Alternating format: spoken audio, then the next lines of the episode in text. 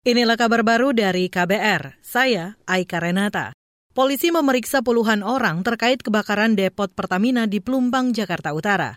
Juru bicara Polri Ahmad Ramadan mengatakan, pemeriksaan dilakukan untuk pendalaman kasus. Puluhan orang itu masih berstatus terperiksa. Sampai saat ini telah dimintai keterangan banyak 24 orang. 24 orang yang telah dimintai keterangan tersebut terdiri dari operator supervisor sebanyak 8 orang, kemudian security sebanyak 12 orang dan dari saksi masyarakat sebanyak 14 orang sehingga jumlahnya eh, ada 24 orang yang telah dimintai keterangan terkait dengan proses terjadinya kebakaran Juru bicara Polri Ahmad Ramadan menambahkan selain pemeriksaan perkara, Polri juga telah mengidentifikasi delapan jenazah korban kebakaran.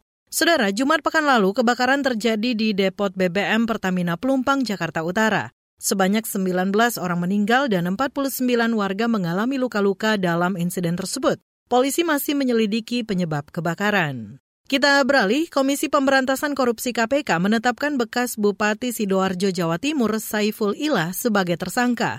Wakil Ketua KPK Alexander Marwata mengatakan, Saiful diduga terlibat gratifikasi di lingkungan pemerintahan Kabupaten Sidoarjo, Jawa Timur. Kasus itu merupakan pengembangan perkara penerimaan suap proyek infrastruktur di sana yang telah inkrah pada 2020.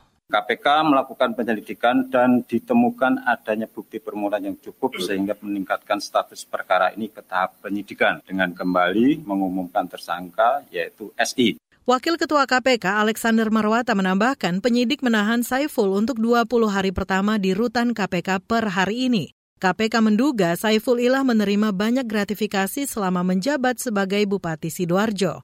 Bentuknya antara lain berupa uang dan barang. Ia diduga melanggar Undang-Undang Pemberantasan Korupsi. Ke satu informasi dari dunia olahraga, saudara, Timnas U20 Indonesia akan melawan Timnas Uzbekistan di Stadion Istiqlal Fergana pukul 9 malam waktu Indonesia Barat. Laga di grup A Piala AFC U20 2023 ini diperkirakan berlangsung ketat karena masing-masing berpeluang lolos ke babak delapan besar. Pada pertandingan sebelumnya, Garuda Muda kalah 2-0 lawan Irak dan menang 1-0 atas Suriah. Sedangkan Uzbekistan sudah meraih dua kemenangan dan memiliki keuntungan karena bermain di kandang sendiri. Indonesia sementara berada di posisi tiga dengan torehan tiga poin. Pelatih Sinteyong mengklaim sudah mengetahui kekurangan dan kelebihan tim Uzbekistan. Ia optimis Muhammad Ferrari dan kawan-kawan meraih hasil terbaik. Demikian kabar baru dari kantor Berita Radio KBR, saya Aika Renata.